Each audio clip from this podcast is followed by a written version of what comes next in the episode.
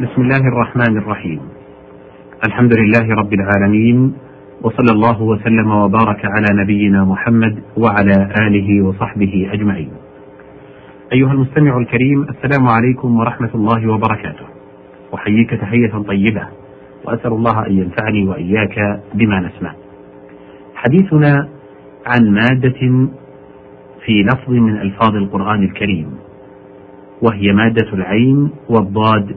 واللام. وقد مر بعض شرح هذه المادة قد بقي فيها بقية. فيقال أعضل الأمر أي اشتد وداء عضال إذا عسرت مداواته قالت ليلى الأخيرية شفاها من الداء العضال الذي بها غلام إذا هز القناة سقاها. وعضلت الأرض بالجيش ضاقت بهم كناية عن كثرتهم. قال أوس بن حجر ترى الأرض منا بالفضاء مريضة معضلة منا بجمع عرمرم والعضلة كل لحم صلب وعصب ومنه رجل عضل مكتنز اللحم. وقوله سبحانه ولا تعضلوهن لتذهبوا هذا خطاب للأزواج أي لا تضيقوا عليهن بالمضارة ليفتدين منكم ببعض مهورهن. العين والضاد والهاء. قال الله سبحانه وتعالى في سورة الحجر الذين جعلوا القرآن عضين.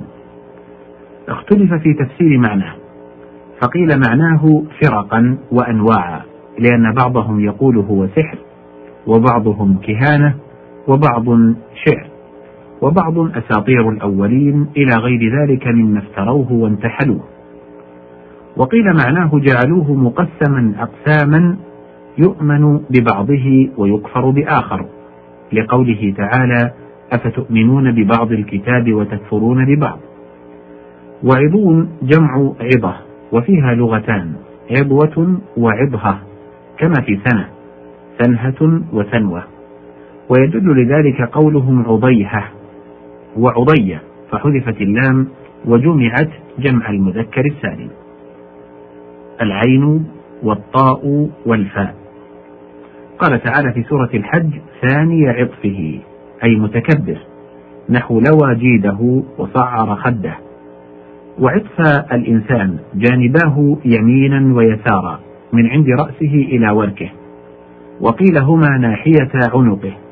وقيل منكب الرجل عطفه. والعطف ثني الشيء ورد أحد طرفيه على الآخر. كعطف الوسادة والغصن والحبل. ومنه سمي الشيء المثنى عطافا. وقد يكنى به عن الشفقة والميل إذا تعدى بعلى نحو عطف عليه. وإذا عدي بعن عكس المعنى نحو عطفت عنه نحو مال في تعديه بالحرفين.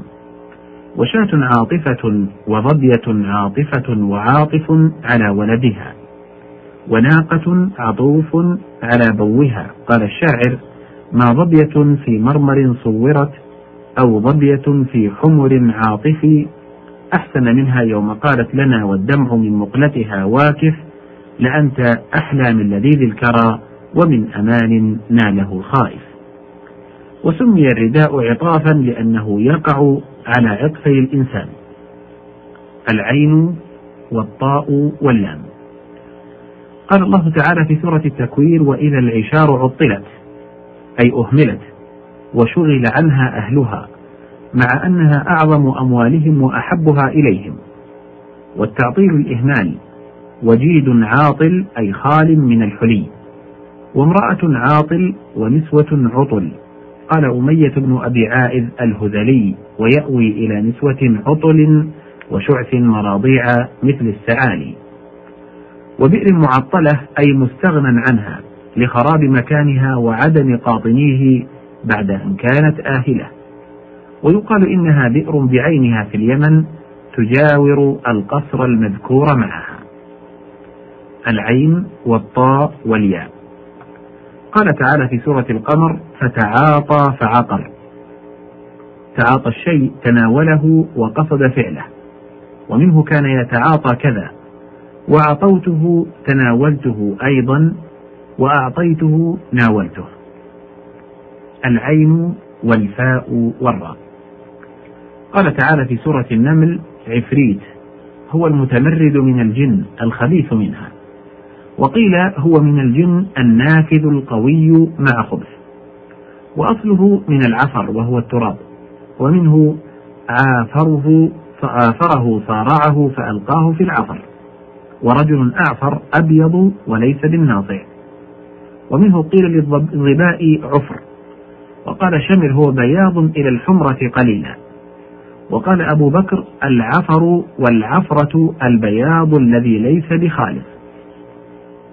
ويقولون لقيته عن عفر أي بعد خمسة عشر يوما فصاعدا أي حتى جاوز الليالي العفر. قال أبو العميسل لقيت ابنة السهمي زينب عن عفري ونحن حرام بعد عاشرة العشر. العين والفاء والفاء. قال تعالى في سورة النساء فليستعفف أي ليصبر ويتقنع. يقال تعفف واستعف بمعنى. قال جرير وقائلة ما للفرزدق لا يرى من الشر يستغني ولا يتعفف.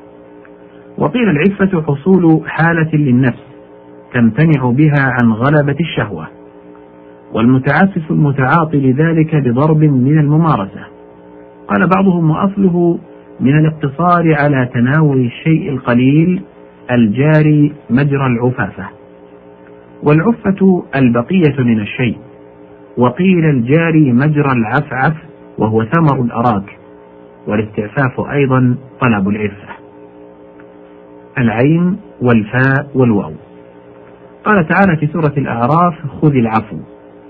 أصله القصد لتناول الشيء. يقال عفاه واعتفاه إذا قصده متناولا ما عنده. ومنه عفت الريح التراب أي قصدته متناولة آثاره وعفت الدار من ذلك. تصور أنها قصدت نحو البناء. وعفى النبت والشعر قصد نحو الزيادة وتناولها. كقولك أخذ النبت في الزيادة. وعفوت عنه كأنه قصد إزالة ذنبه صارفا عنه. فالمفعول في الحقيقة متروك. فالعفو هو التجاوز عن الذنب. فقوله خذ العفو أي ما سهل قصده وتناوله. وقيل معناه تعاطى العفو مع الناس.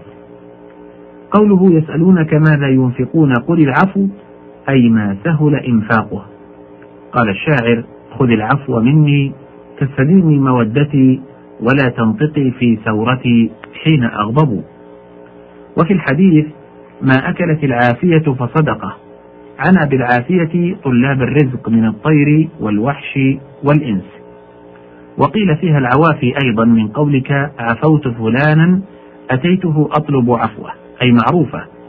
وأعفيت الشيء تركته يعفو ويكثر ومنه الحديث وأعفو اللحى. والعفاء ما كثر من الوبر والشعر وقد يستعار لغيرهما. قال زهير بن أبي سلمى تحمل أهلها منها فبانوا على آثار من ذهب العفاء. والعافي ما يرد مستعير القدر من المرق قال مدرس الأسدي فلا تسأليني واسألي ما خليقتي. إذا رد عافي القدر من يستعيرها هنا ينتهي الحديث في هذه المادة وبه ينتهي الحديث في هذه الحلقة. أشكر لكم طيب استماعكم وإصغائكم والسلام عليكم ورحمة الله وبركاته.